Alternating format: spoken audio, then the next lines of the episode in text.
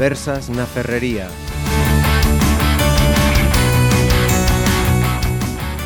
Saludos, paradojas de la vida.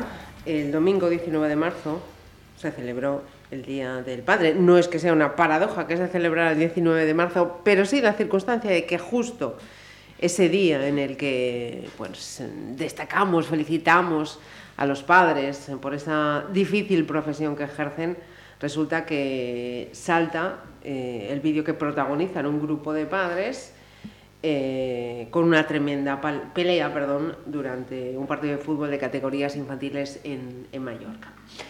La situación está a día de hoy en los juzgados, con los eh, dos campos de los dos equipos implicados eh, clausurados y el debate abierto. Cuatro invitados tenemos hoy aquí en los estudios de Pontevedra Viva Radio para hablar sobre esos comportamientos agresivos en los terrenos de juego. Eh, con permiso de los chicos, voy a presentar primero a la dama de, de esta mesa, Isabel Fernández. Bienvenida a tu casa. Hola, gracias. Eh, ella eh, nos va a hablar como mamá de un niño y una niña, ¿no? Que Sí. juegan en balonmano. Y además tú también, jugadora de balonmano y delegada del equipo. Y del cada equipo de la niña, sí. Con lo cual, eh, visión... Metida hasta el fondo, sí. Visión de todos los puntos. Eh, y hablando de, de equipos, pues eh, también nos acompaña el responsable de los equipos base del Teucro, Luis Montes, bienvenido también. Muchas gracias. A Jaime Agulló, responsable del Servicio Municipal de Deportes. Sí, está- cambiamos un Se me- poquito, se me va a escapar seguro que IMD en algún bueno, momento. Ya se me escapa a mí también, así que no te preocupes. Pero al final somos, somos el, mismo, el mismo perro con distinto collar. Lo único que cambiamos es la figura, digamos, jurídica. Bienvenido. Muchas gracias. Y nuestro colegiado, en representación de los árbitros, Miguel Ángel Vidal, delegado de fútbol sala de Pontevedra del Comité Nacional. Correcto. Muy bienvenido. Muchas gracias. Pues, eh, ¿qué os parece si comenzamos con el planteamiento? Quizá eh, tú eres quien mejor nos puede decir, eh, Miguel, eh, esos eh, comportamientos violentos, eh, físicos, eh, verbales, son algo constante, ocasional, mm, excepcional, ya sé, ya sé que no. Pero ¿hasta qué grado se están repitiendo, mm, si no tan graves, eh, comportamientos agresivos en los terrenos de juego? Claro, ¿Sabes lo que pasa? Que esto, digamos que no es un, co- un comportamiento deportivo, es un comportamiento social. El comportamiento social viene dado por la violencia, porque de la pelea que tú haces, no, haces, haces no- Referencia. no ocurre con el equipo, ocurre con los espectadores.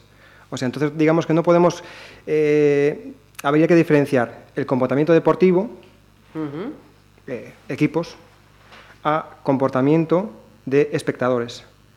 Nosotros tenemos la, la versión, porque yo soy padre, entonces tengo la versión de que voy con, mi hija y tengo la versión de que después me convierto, digamos, en árbitro y veo lo que pasa, lo que pasa afuera. ¿Cómo podríamos solucionar esto? Aquí es, digamos, la clave. Yo estoy seguro que si a los padres de Mallorca, eh, 15 días atrás, le preguntas, ¿qué opinas de un hecho que pasó el año pasado? Todos, absolutamente todos, se echarían las manos a la cabeza, dirían bochornoso, denigrante, no puede pasar. 15 días después, sí sucede. Entonces, ¿dónde está el problema? Eh, haciendo esa diferenciación entonces, esos comportamientos agresivos están fuera del campo, no dentro del campo. Efectivamente, efectivamente. Es que el comportamiento es de la persona que va a apoyar, digamos, a un equipo, pero va en contra de los otros dos equipos que hay, el equipo rival y el equipo arbitral. O sea, sin parangón. Eh, ultras, pero de categorías base. Ajá. Con ese planteamiento ya de salida, no esperéis de a que os dé... Totalmente de acuerdo. El, el problema no es un problema deportivo, es un problema social.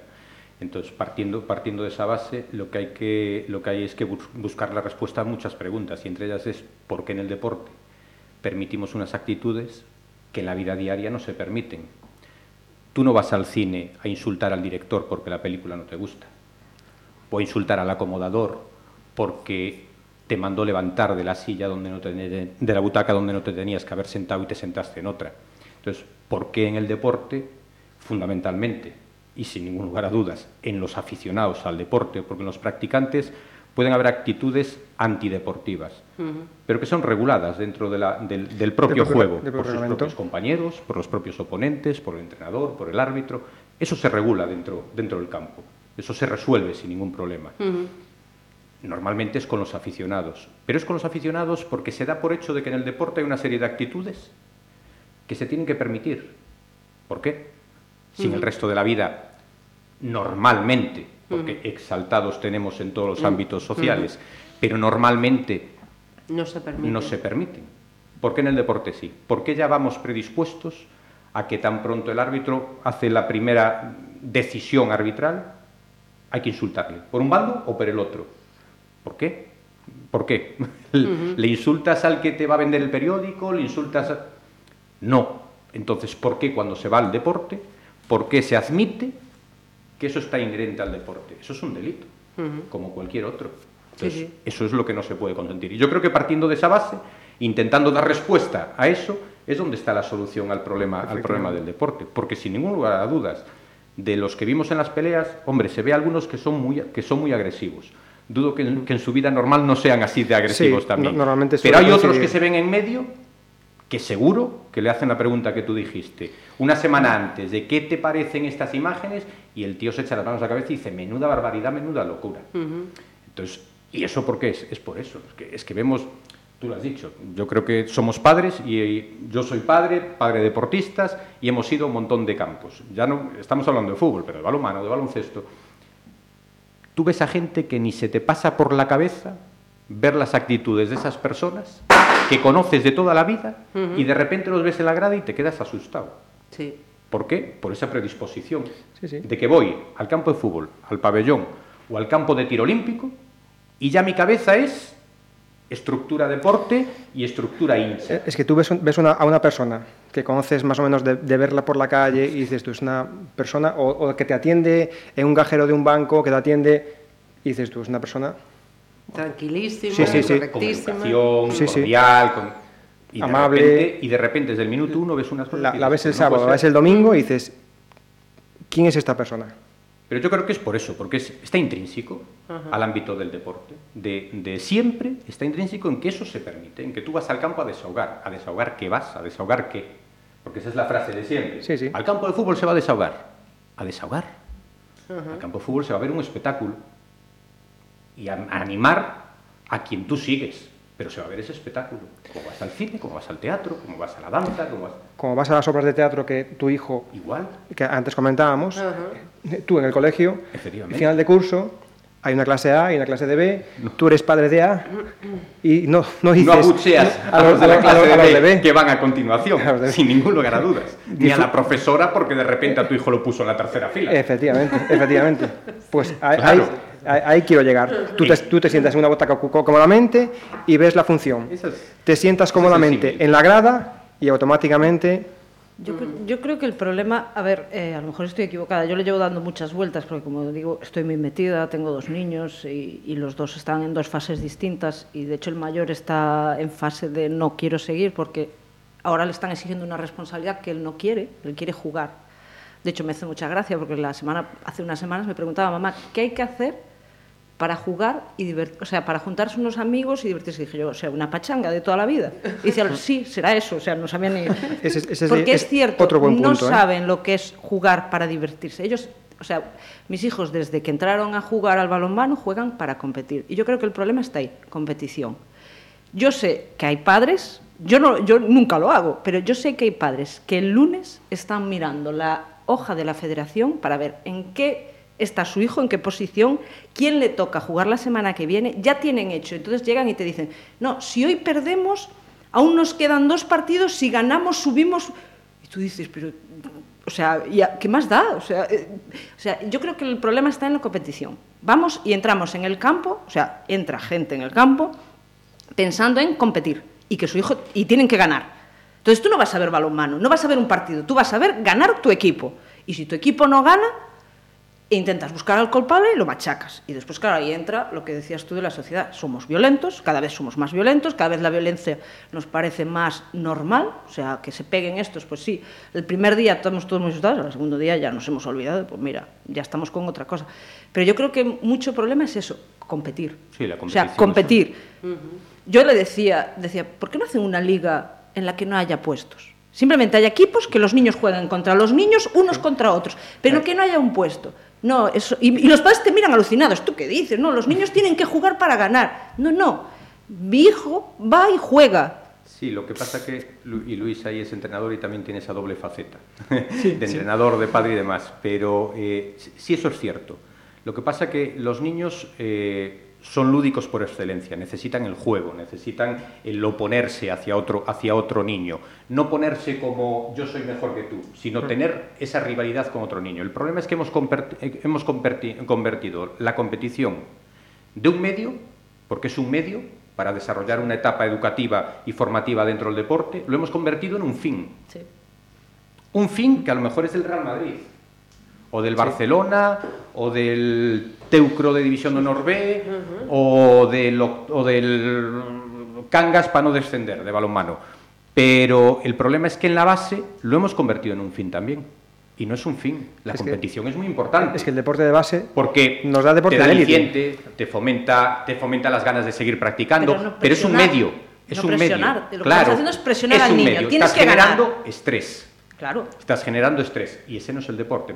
El deporte tiene todas las condiciones, tiene, tiene todas las condiciones para ser un buen elemento educativo, un buen elemento formativo, pero también para ser todo lo contrario. que llamaríamos los, los valores del deporte, Que los valores del deporte, compañerismo, efectivamente, sacrificio, pero es, es igual de, de bueno como igual de malo. El deporte mal utilizado depende de las manos. Ahí, el deporte mal ahí- utilizado es lo peor que estaría- puede haber en la sociedad. Ahí Y el estaría deporte Luis. Muy bien, Es que- muy bien utilizado tiene una cantidad de valores que son muy enriquecedores. Lo que pasa que en, en el, en el deporte de base hemos convertido, y hemos convertido porque me imagino que todos somos culpables. Sí, todos. sí, sí, sí. Las administraciones, los padres, fundamentalmente, todos, los clubes, todos hemos convertido, las federaciones, por la estructura, No. la estructura No competitiva. hay- aquí no hay un único culpable. Hemos, hemos convertido la competición en el fin. Y en los niños eso no puede ser. Yo a es Luis que le- no puede ser ni académicamente. Yo a Luis le haría la pregunta. Eh, Luis, ¿entrenador o formador?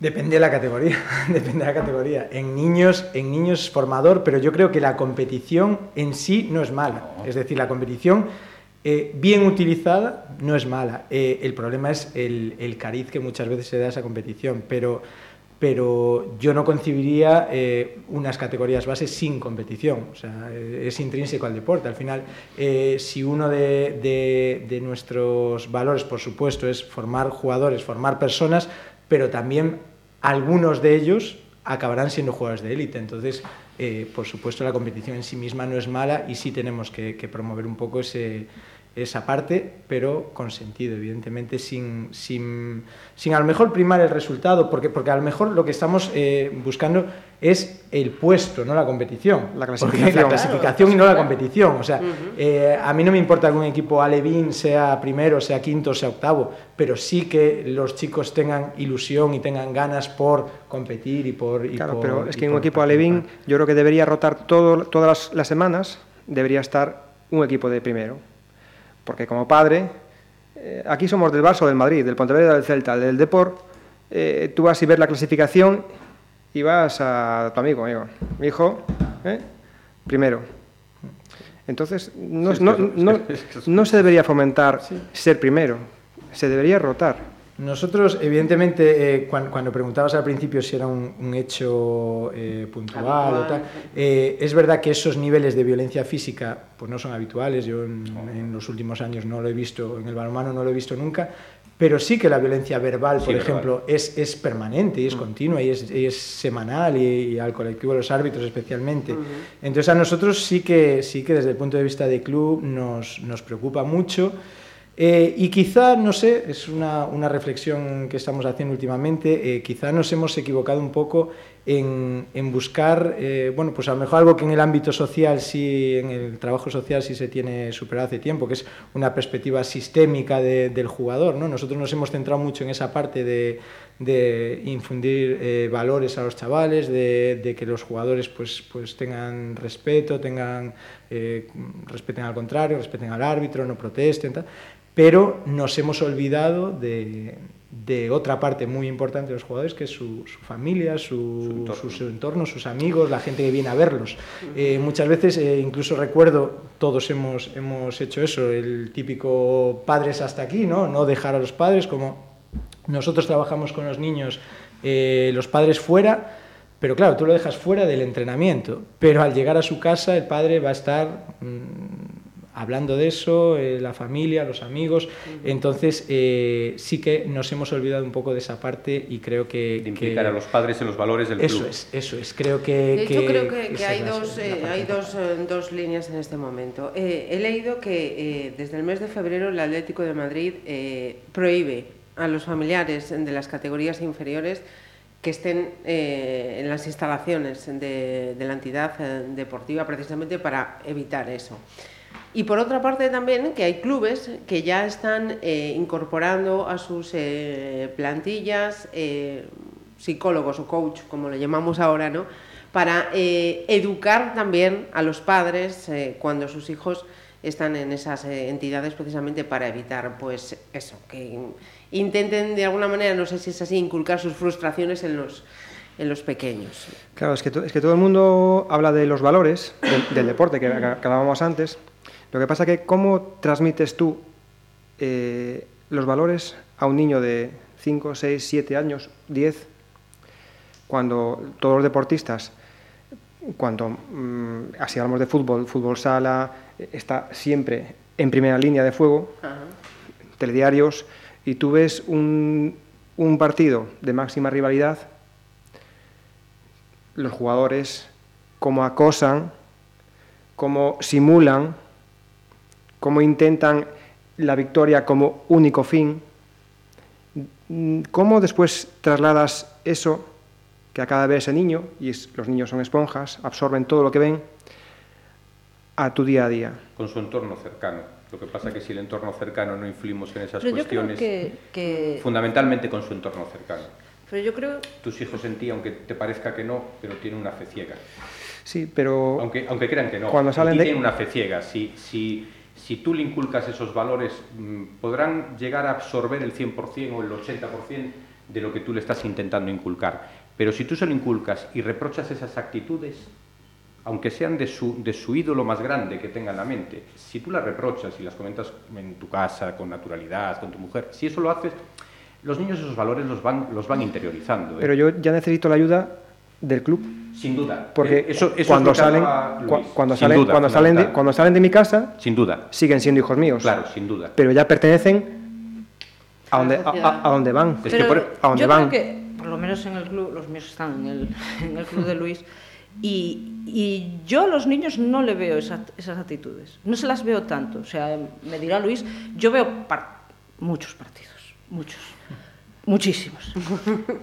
Y yo a los niños no le veo esas actitudes. Yo veo como niños pues en el campo se cae uno y lo levantan, yo veo como eh, juegan, cuando mi hijo juega teucro cisne cadetes, que eso ya es la pera limonera, y en la grada no os digo, o sea, es, es, la guerra aquello entre los padres, porque es la guerra, y tú ves los niños que acaba el partido y se abrazan, porque mi hijo está en el instituto con ellos, y se abrazan sí, y, y, y, se saludan y se parten de risa cuando acabó el partido, perdiera uno, perdiera el otro. Es decir, yo creo que los niños en sí sí que los hemos educado bien. Los niños sí que están bien educados y sí que los valores, y yo veo como los entrenadores, eh, eh, yo el otro día, un niño que le hizo una falta de las que dices tú, ostras, y tú veas como el entrenador al niño le echaba un broncazo porque le decía, pero tú cómo haces eso, o sea, tú no ves que lo puedes, el propio entrenador del niño. Sin embargo, es, el problema es los padres, claro. que no ven esas que el cosas. padre le diría, no, no, dale Dale tú, Yo lo he oído. Dale tú como te dio la ti. Yo o- lo he oído. De, ese, de- ese es el no le des en la espalda, dale en la cara. Yo he oído, he oído brutalidades y en el balonmano que se supone que aún estamos bastante lejos, aunque últimamente empezamos a acercarnos. Pero yo he oído verdaderas barbaridades. Pero no lo veo en los niños, lo veo en los padres. En los Por ejemplo, el- los árbitros. En- a mí cuando entré en el club, cuando entré en el, en el club, cuando entró Usío de pequeño, a mí me dijeron, eh, los árbitros que, entré, que van a alevines y a benjamines están aprendiendo. Son chicos que están en prácticas, no saben, o sea, saben, pero hay que tener mucho cuidado porque están aprendiendo igual que están aprendiendo mis hijos. Justo. Y entonces tú veías como el árbitro, con mucho cariño, pues a veces, claro, los niños cometían un montón de errores, entonces si les si, si dedican a pitar no habría partido, entonces les enseñaban y tal. Y eran partidos como muy así. Ahora no. O sea, el otro día tuvimos dos, un partido de alevines y las madres bajaron a por el árbitro, pero, o sea, fue algo que no, había, no se había, yo no lo había visto nunca A llamarle de todo.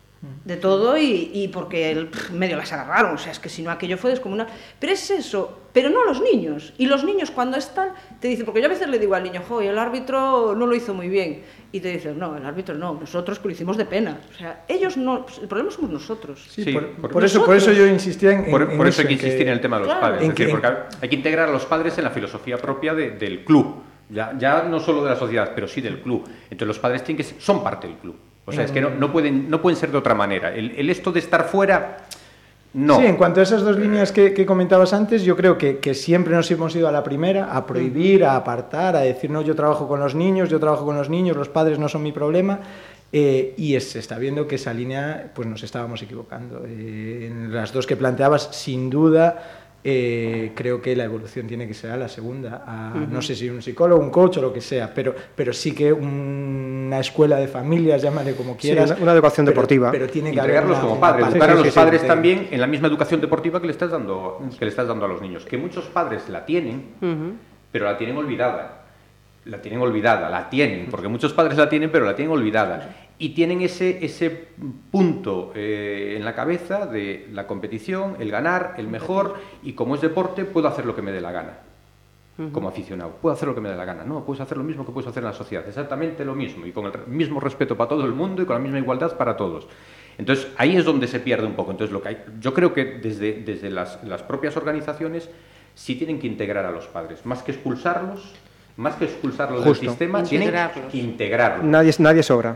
Claro, Nadie- nadie sobra. Son parte. Nadie sobra. Son parte. Es que- el colectivo, tú dijiste, el colectivo Sí, sí. arbitral es un equipo más. Es que el el- equipo de los padres es otro equipo más. El equipo A y el equipo B que están jugando son otro equipo más. Y todos tenemos que remar en la misma dirección. Claro. Cada uno tenemos que respetar a, lo- a los demás, eh, equipos entre sí, porque ya no es respetar a las personas, es respetar al juego. O sea, si tú respetas el juego, el juego tiene unas normas que alguien dice acertadamente o equivocadamente cómo se tienen que jugar y los equipos son los que realmente tienen que competir. Pero en, en ese barco todos tenemos que ir hacia una misma dirección. Eh, clubes, importantísimo. Federación, importantísimo. Los propios niños. Los padres de los niños que acercan a ese niño al deporte. Y después eh, los árbitros. Que los árbitros no somos un ente diferente a, a- a los demás. O sea, estamos en el, en el centro. Equipos a la derecha, equipos a la izquierda y padres detrás. Y todos caminamos hacia adelante. Porque el deporte en sí, o sea, un árbitro no pasa por la calle y dice, tú vas a arbitrar hoy. No, un árbitro tiene una formación, Y que le gusta. tiene unas pruebas para pasar y que le gusta y que esa le gusta, actividad, ese porque vive, porque vive, porque vive ese, vive ese deporte, o sea, desempeña una labor que es importantísima y es una, valor, un- un- una labor que no, se, que, no, se- que no se valora.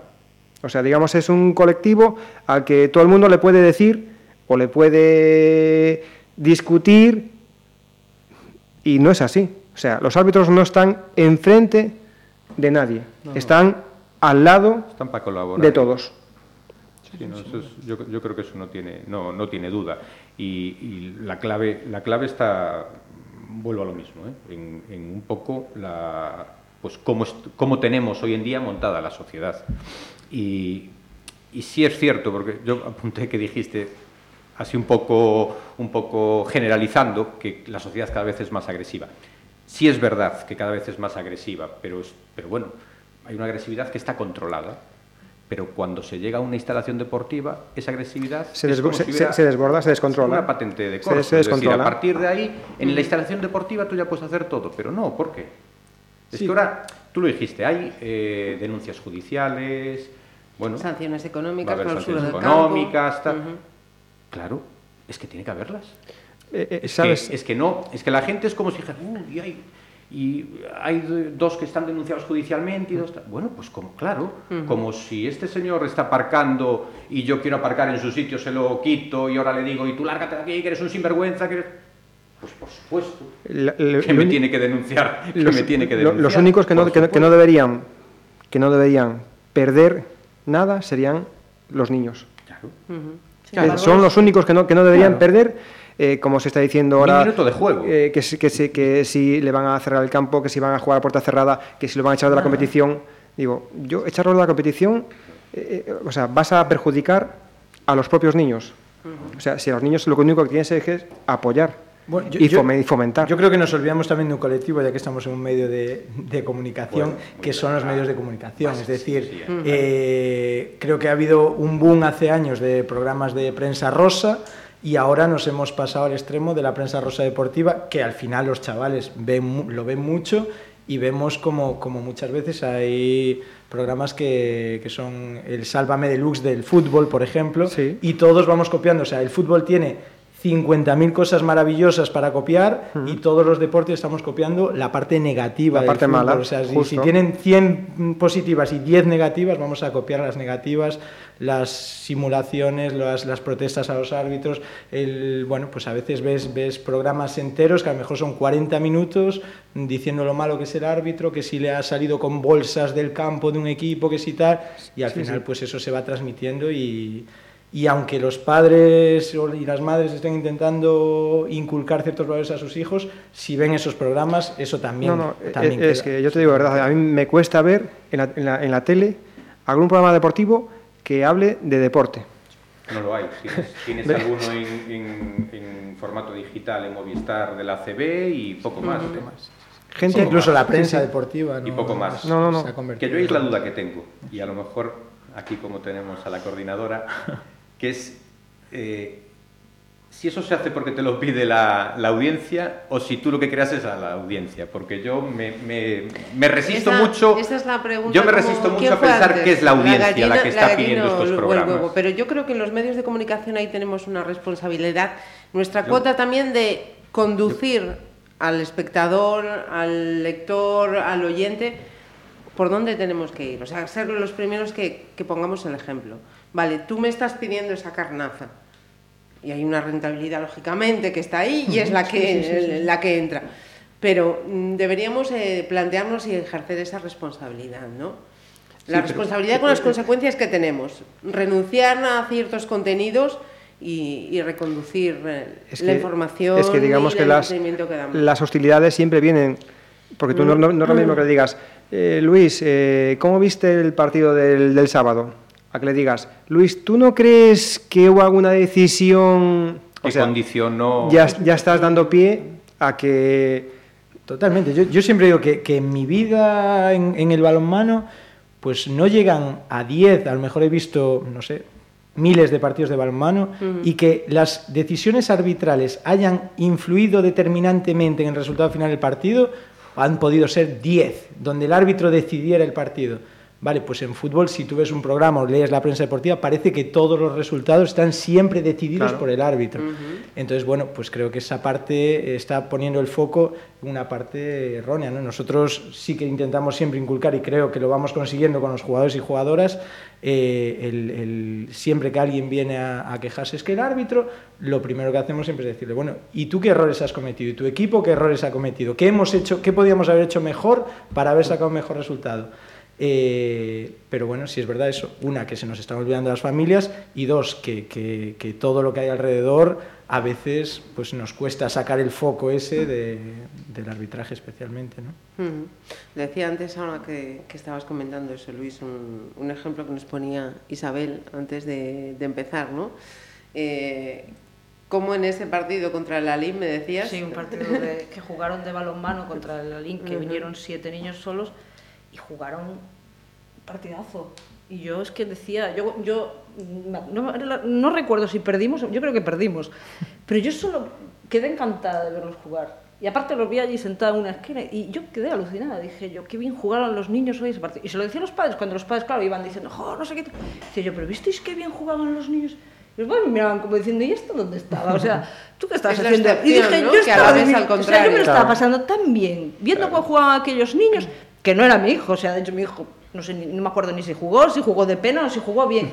O sea, yo es que estaba alucinada de lo bien que jugaban, porque eran muy poquitos y se supone que nosotros con la superioridad que sí, teníamos, claro, y además te, me decían, en el descanso me decían, no, estos en el segundo tiempo ya se desfondan porque claro, están justo... No, no, no, los chavales hasta el final. Y jugaron muy... Y dije yo, jo, si fueran todos los partidos así de, de, de bonitos, de, de tal, de pero los tienes que ver solo. Porque si te metes dentro, casi te conviertes en un hooligan como ellos. Es como. Ahí sí, es cierto. Lo venían también diciendo en la radio, que es que, que a veces pasa, es, estás metido en la masa y te arrastran. Y te dejas llevar, te dejas y te llevar. Deja. Y entonces es eso llevar. de que dices tú, ostras, pero si yo en mi vida normal soy tranquila, ¿qué hago yo aquí llamándole al árbitro de todo? Que no. O sea, yo tengo la suerte que, como soy delegada, estoy ahí delante y no, no estoy metida en la masa. Pero es lo que dices tú, yo no puedo poner la mano en el fuego de que no en algún momento no, no me saltar, no, no, hombre, no, no, voy a saltar al campo ni nada. Pero quiero decir no que te eso... veo, Isabel, no te veo. No, no me que veo. Te, que te No, porque además poquito, yo, lo, yo lo, que trato es, es eh, siempre hablo con los, con los niños de cómo se lo pasan y tal, y, y, me, y, muchas veces, claro, son los que te dan las lecciones. Y entonces yo me fijo, por ejemplo, que, que a veces estoy, cuando empiezan a animar, animar me refiero, que, que, que, eh, que llaman al equipo, o sea, que lo animan con palmas, que cuando están defendiendo animan la defensa, y tú ves como un partido, yo he visto partidos que sí se deciden con eso, Hombre, que, los, que los llevan a los niños en volandas, los niños, y he visto perder partidos porque los niños, o sea, yo vi a niños alevines cuando de repente ven que sus padres empiezan a insultar al árbitro, la cosa se desmadra sí. y los niños se desconcentran. Sí, y empiezan a recibir claro. directrices por todos los y lados. de repente cuando de la acaba, grada, de un sí, lado, y cuando acaba el partido te preguntan, ¿qué pasó? ¿Qué, qué, qué os pasó? ¿Qué pasó en la grada que, que se montó? O sea, ellos están en el campo y para ellos no pasaba absolutamente nada. Claro. Está... Y entonces dices tú, jo, pues sí, claro. claro, es que lo que tienes que hacer es animarlos, que eso es lo que les hace ganar el partido. Cuando tú te pones a, insultar al árbitro, y sobre todo ya cuando están en las categorías de cadetes, que son niños que ya es, a veces se descontrolan y tal, claro, de repente los ves, tú ves a tu hijo como le protesta al árbitro. Y Genera dices agresividad tú, en los niños. Ostras, pero claro. tú... Le estás contagiando. La violencia, claro, la violencia es, que, es, lo que genera violencia. Que, o sea... por ejemplo, en el balonmano sí lo cortan, porque ahora, sí. por ejemplo, si le protestan es tarjeta roja, se llaman al banquillo. Entonces lo cortan muy rápido. Pero claro, los padres, a mí un padre me contestó que una vez que estaba metiéndose con el árbitro, llegó un momento, más era una chica y ya aquello era y era de nuestro equipo. Y entonces llegó un momento dije yo, tío, te estás pasando ya, o sea, córtate un poco. A mí, como no me puede echar, hombre, vale, no te puede echar, pero te está oyendo. Pero te debería denunciar. Y claro, entonces, uh -huh. Yo creo que la, la, ahora mismo la violencia está en claro, las gradas. Es que... Precisamente eso que acabas de decir, claro. Jaime. Eh, somos muy permisivos, ¿no? Muy acabas permisivos, de decir, claro. le puedo denunciar. Claro, así. Es que es que, es que ese, ese, es el razonamiento inicial de, de, de lo que yo expuse. Uh -huh. Es que sí, sí.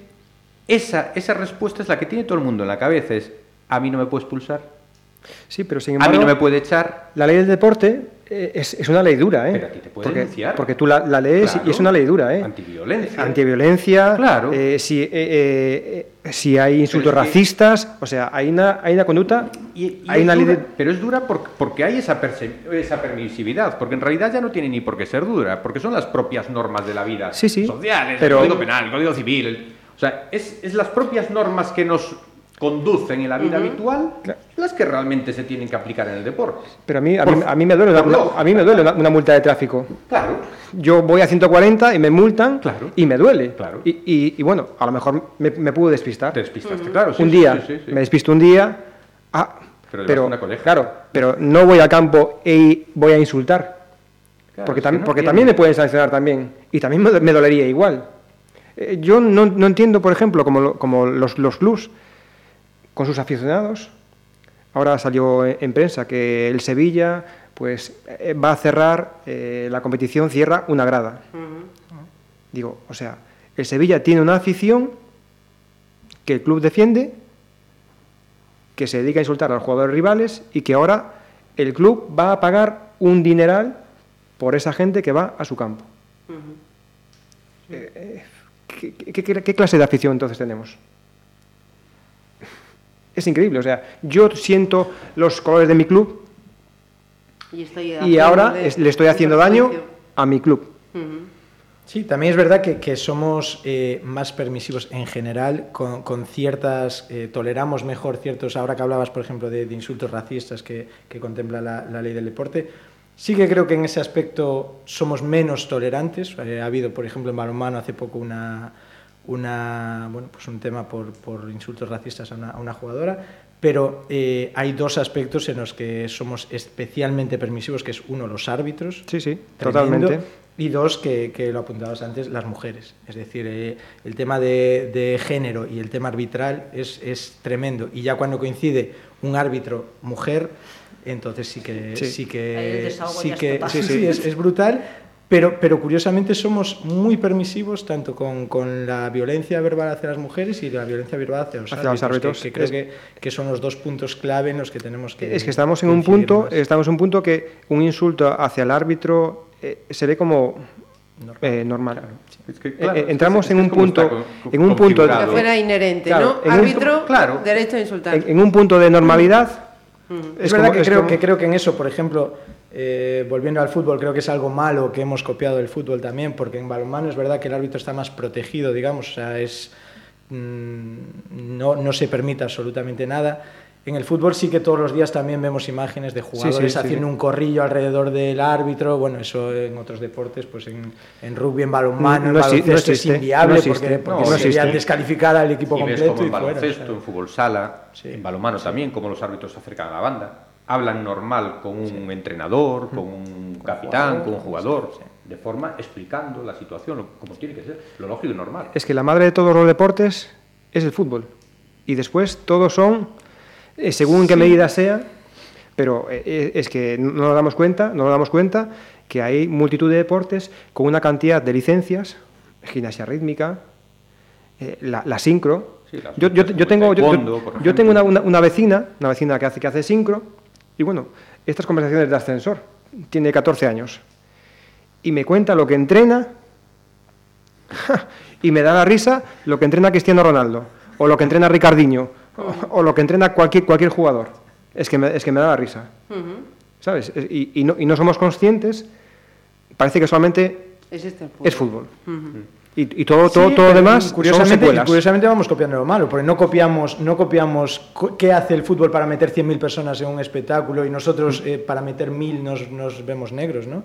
Copiamos la parte, pues eso, las actitudes... eh, Sí, pero ahí había que... había- eh, no, hay- otra manera que, que- que trabajar. Una, trabajar la base. Otra, tra- trabajar como institución, como club. Pues claro, el club se tiene que lavar un, un nombre. Para que todos los niños quieran ir al Leis, para que todos los niños quieran ir al Pollo, para que todos los niños quieran ir al Teucro, para que todos los niños quieran ir al Cinde.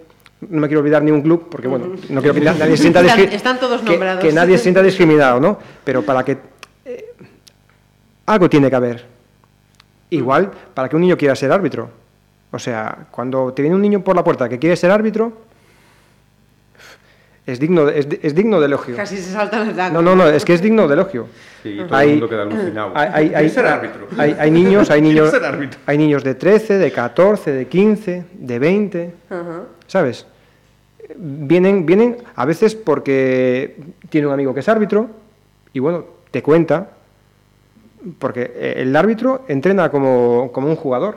O sea, nosotros, nosotros entrenamos, entrenamos, ahora voy a hacer un poquito de propaganda, entrenamos lunes, martes y jueves en el Centro de Galego de Tecnificación Deportiva, tenemos un preparador físico, luego tenemos los viernes las charlas de las reglas de juego, Técnicas y y, reglamento. sí, sí. y luego sábado y domingo partidos. Como club, igual. Entrenarán los, los días que están estipulados, táctica, eh, cómo hacer los contragolpes, cómo replegarse, cómo atacar las, las diferentes defensas, y el sábado y domingo, partido. Por eso, di- por eso digo yo que es importantísimo que la, la visión de los clubs, en este caso, que es, digamos, el que tiene el poder, de poder convocar a los padres, de poder convocar a los niños y de poder convocar a los árbitros, de que todo eso solamente puede confluir en ir hacia adelante, en que nadie sobra. Y lo más importante, decidir cómo quiere que sea su deporte. Efectivamente, y efectivamente. cómo quiere que sea su organización. Es, es quien tiene que decidirlo. Estamos hablando de una situación ideal para evitar esto, pero es factible. Eh, sobre todo te pregunto a ti, Jaime, que estás ahí gestionando todos estas, en el caso de Pontevedra, ¿no? todas estas entidades. ¿Sería factible que, que se unan todas estas partes que estamos citando para tratar de cambiar algo? ¿O es más complicado de lo que aquí estamos hablando? No, no yo, yo no lo veo muy complicado yo no lo veo ningún, muy complicado porque tan pronto hablas en pequeños grupos, todo el mundo está dispuesto a poner parte de su parte de su trabajo y parte de su, de su granito en, el tú a tú, en avanzar en, ese, en, ese, en, el tú a tú línea. De, de Jaime Luis. Decía, claro, por eso uh -huh. decía que todos tenemos siempre algo que aportar, porque las administraciones también tenemos mucho que aportar, porque al, a fin de cuentas somos un elemento muy importante dentro del desarrollo del deporte local. Entre otras cosas, bueno, pues financiamos una gran parte del deporte local, disponemos y ponemos a disposición del ciudadano las instalaciones deportivas donde se puedan disputar. Entonces también tenemos algo que decir, o también deberíamos tener algo que decir en ese, en esa, en, digamos, en esas normas eh, pues yo diría, no escritas. Yo diría que mucho que decir. Sí, claro, en esas normas no escritas de comportamiento en las instalaciones públicas, por uh -huh. ejemplo, en aquellos clubes que reciben dinero público, etcétera, etcétera. Entonces yo creo que y en esa línea ya lo hemos hablado, ya llevamos tiempo hablándolo ya llevamos tiempo hablándolo, pues de ver cómo podemos eh, estructurar pues un decálogo de comportamiento de padres, de clubes, en el cual, bueno, todos asumimos ese compromiso porque estáis en instalaciones públicas, porque recibimos ayudas públicas y el que se sale de esas normas de juego, pues bueno, no, no quiere estar en ese, en ese sistema. Es que, cuando más, tú, es que cuando tú vas a, una ciudad y te llama la atención, wow, qué limpia está la ciudad. Claro. No es que el, el, personal de limpieza sea muy aplicado, no, no, no es que es que la ciudadanía alguien, está comprometida con que la ciudad esté y alguien y alguien dice y alguien fue creando y alguien dice cómo se tiene que hacer, o sea que ahí el IMD, es decir, eh, Teuco, Pontevedra, sí, duda, eh, Archil, eh, vais a gozar de nuestras instalaciones. Ya tuvimos, ya tuvimos algunos pequeñitos, eh, algunas pequeñitas actuaciones en ese sentido. La verdad, la respuesta fue muy buena. En, en, momentos en que veíamos que se estaba desmadrando ciertas situaciones y la respuesta fue buena y fue inmediata. ¿eh? Sí, sí. se tomaron ciertas medidas. Claro, claro, es que yo, es el que problema yo, se cortó de raíz. Es que yo uh -huh. pienso que eso el problema se cortó de siempre, raíz. siempre es factible. Entonces, en ese sentido, nosotros sin ningún lugar a dudas tenemos, primero, tenemos mucho que hacer tenemos mucho que hacer, pero tenemos también mucho que decir. Uh -huh. Y que los clubs, sin ningún lugar a dudas, van, eh, están en esa línea también, están en esa línea y tienen que regularlo internamente. Y yo creo que es lo, lo, que dice Luis, yo creo que todos los clubs están empezando a dar cuenta de esa situación, de que los padres es un elemento más de, a integrar. Es un elemento más del, del, del sistema deportivo. Uh -huh. Y como tal, tiene que saber de ese sistema deportivo, tiene que saber de esas normas de club, de esa filosofía claro. de club, de esos intereses de club, porque es lícito que haya clubes que su interés sea puramente el rendimiento. ¿Vale? Yo como padre lo tengo que saber. Si estoy de acuerdo, perfecto, y sigo esas normas. Sí. Si estoy de acuerdo, hay muchísimos más deportes y muchísimas más entidades deportivas donde poder desarrollar mi hijo pues una faceta de su vida. Efectiva, que efectiva, efectivamente. Pero claro, los padres tenemos que estar integrados dentro de esa filosofía propia del club. Y yo creo que en ese sentido los clubes están, se están sí. dando cuenta de eso y después los padres tienen que saber en qué punto tienen que estar y los clubes le tienen que decir en qué punto están, porque por supuesto los clubes tienen sus juntas directivas que son las que toman esas decisiones y esas determinaciones y los padres pues tienen que tomar si forman parte otra parte si forman parte pues tendrán que estar tendrán que estar al lado de, de, de, su club. Ya, entonces... Por supuesto, me, me, me, yo no estoy de acuerdo con la decías tú, el Atlético de Madrid prohíbe a los padres. Uh -huh. Pero vamos a ver, si la masa social del Atlético de Madrid son los, son los padres, o sea, tú, yo no creo que como club debas apartar a los padres para que dejen a sus hijos. No, no, tendrás que integrarlos uh -huh. porque tu masa social es la que te va a dar el apoyo. Y los padres tienen que entender de cuál es la filosofía. Y cuando hay un entrenador que está entrenando, y tú estás viendo el entrenamiento, está el entrenador dirigiendo ese, ese, esa sesión de entrenamiento, bueno, pues está actuando como el entrenador cree que tiene que actuar. Uh -huh. Y tú eres copartícipe de esa, de, esa, sí, sí. de esa filosofía. Entonces, a partir de ahí no hay ningún problema. Estás observando, estás observando el entrenamiento, estás observando al entrenador, a tu hijo, charlando con los amigos. Aprendiendo. Y aprendiendo. Aprendiendo. De ese deporte. Y aprendiendo el deporte. Y no hay ningún problema. El problema, claro, es cuando lo tengas apartado y el padre no sepa realmente cuál es la filosofía del club. Sí, sí. O, o cómo, Claro, o cómo después hacer, hacer, "Mira, hacer fuera". frente a Ah, esas, a esas claro, pues situaciones. esta- la filosofía de este club es que es piramidal y lo que queremos es rendimiento ya desde Benjamines y entonces vamos a tener un equipo que es el muy bueno y los otros van nutriendo ese equipo. Bueno, vale, es una filosofía válida como otras muchas. Sí, sí. Pero tenemos que conocerla. Y a partir de ahí no va a haber ningún problema. Tú lo decías, que hay niños que pueden no interesarle Competir, el competir, que quieren jugar solo. claro, que quieren jugar. Entonces, Llegas, a, bueno, llegas pues, a una edad, si este club eh, mueve esas dos, esas dos opciones y esas dos posibilidades, perfecto, y si no, pues nada, se busca otra actividad y se busca otro deporte. No pasa no, absolutamente o- o- nada. otro, otro club que esté más, en- Claro, más, por más, eso digo, más otra- enfocado, Otro, otro de- pues, otra actividad, no quiere decir otro club, Claro. otro deporte. porque el Sí, deporte... lo que pasa es que es difícil encontrar un club que no quiera competir. Ah, eh, Pero eso va la- en la filosofía del club. A ver, competir. La gente que dirige el es club. competir- Claro, es que ahí competir- está lo difícil. Claro, competir en es deportes de es lo- competición, es lo que como decía- que competir todos. Todos Es que competir es lo que decía Luis, competir hay que competir. Claro. Lo que pasa es que en, en el deporte base, salvo que tu filosofía sea de rendimiento, el- la competición no puede ser el fin. Tiene que ser un medio, Un para tener a los niños enganchados, para que los niños bueno, pues, eh, desarrollen distintas, distintas Facet- distintas facetas, facetas facetas positivas que tiene el deporte. personales. Pero como medio. Claro. Salvo que el fin sea el rendimiento, que entonces la competición es el fin. Es el conseguir el mayor rendimiento posible en cada uno de los jugadores que forman ese, ese equipo, si es un deporte colectivo y si es un deporte individual, para tener un rendimiento personal y colectivo del club. Vale, si lo sabes y tú quieres que tu hijo esté en esa situación, perfecto, porque es una, es una decisión también de la familia.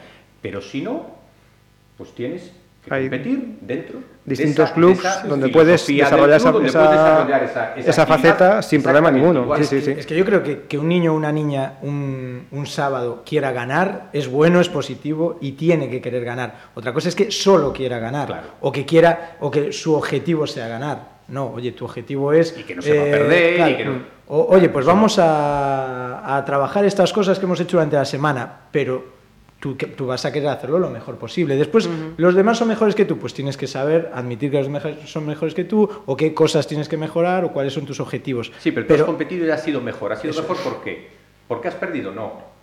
Porque he realizado, digamos que las tareas desarrolladas a lo largo de esa semana, pues con mayor manera. beneficio del que lo hice Sí, la semana y tú, pasada. y tú puedes, Yo ya he y- ganado. Y, tú puedes perder y yo felicitarte porque, porque has hecho un gran trabajo y has aplicado lo que queremos y, y- y es perfecto. El problema es que eso ahora hay que explicárselo a los padres. claro. Los niños lo saben. Sin duda alguna. Mis hijos lo saben perfectamente, Mar- saben cuando juegan bien, cuando juegan mal, saben perder, saben tal. Ahora el problema es que los padres sepamos Sí, y- perder, sepamos que, le- que el árbitro se equivoca, Yo creo- yo porque creo hay que, que- estar a pie de juego para ver que la línea no se ve y no se ve cuando se pisa y no porque eso- en balonmano es es muy típico nacional, de que Todos- es que pisaba y no lo vio y dice ponte tú allí a ver si lo ves o sea eso, eso ya es un mal nacional. exactamente pero además- es muy- sí que es cierto que es muy permisivo o sea el insultar al árbitro es no pasa nada Porque además tú que eres árbitro y tú vas como aficionado a ver partidos de fútbol sala. Sí, sí. Bueno, mm, seguro, eh, seguro que el 80% de la gente que te rodea en ese partido no sabe las normas. No, eh, todo el mundo opina, porque opinar es libre. Bueno, No como, como dicen los entrenadores, en España hay 40 millones de entrenadores, o sea, para hacer alineaciones, y bueno, y a la vez hay 40 millones de árbitros. Eh, a veces tienes a alguien al lado y dice, jolín, es que... ta-". Digo, a ver, eso sucede Pero no la sabe. porque, porque, tiene, porque tiene que suceder, porque es, porque es así. Porque hay unas normas, porque hay un artículo, porque Lo, lo que pasa es que en ese momento estás cegado y no, y no, y no, y no. Pero yo creo que, pero que sí. por suerte eh, la mayoría, sobre todo hablo de, de deporte base, de los padres y las madres, son, son gente muy, muy normal que, que simplemente eh, se exalta en esos momentos. Por eso la- las experiencias que, que tenemos interviniendo en general, como comentabas tú antes, Jaime, son positivas, porque, porque ves que la gente, incluso si le pusiéramos una cámara de vídeo y se lo enseñáramos, los primeros abochornados serían ellos mismos. Seguro, seguro. Entonces, entonces yo creo que, que sí es factible mejorarlo, Corregirlo. pero es verdad que debemos estructurar esa intervención. No puede ser eh, que nos estemos quedando en lo que ahora nos quedamos, que, que saltamos cuando pasa una cosa tan grave como esta. ¿no? Eh, si tiene igual que, que estructuramos eh, la formación en valores de los niños, pues deberíamos, eh, o- y en esa línea vamos, yo creo todos, de, de pues crear esa, esa educación, entre comillas, de, de- de familias para, para ir en Sí, esa sí, línea. nosotros es, es algo que hacemos a principio de temporada, pues nosotros siempre O sea, lo que decía antes, nunca queremos estar ni por delante de los clubs ni por detrás de los clubs, no queremos estar al lado de los clubs.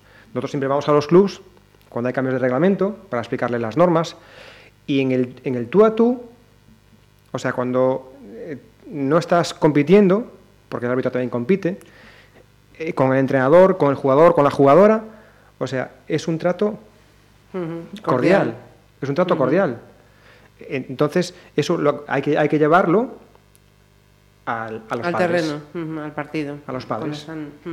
Hay que llevarlo ahí.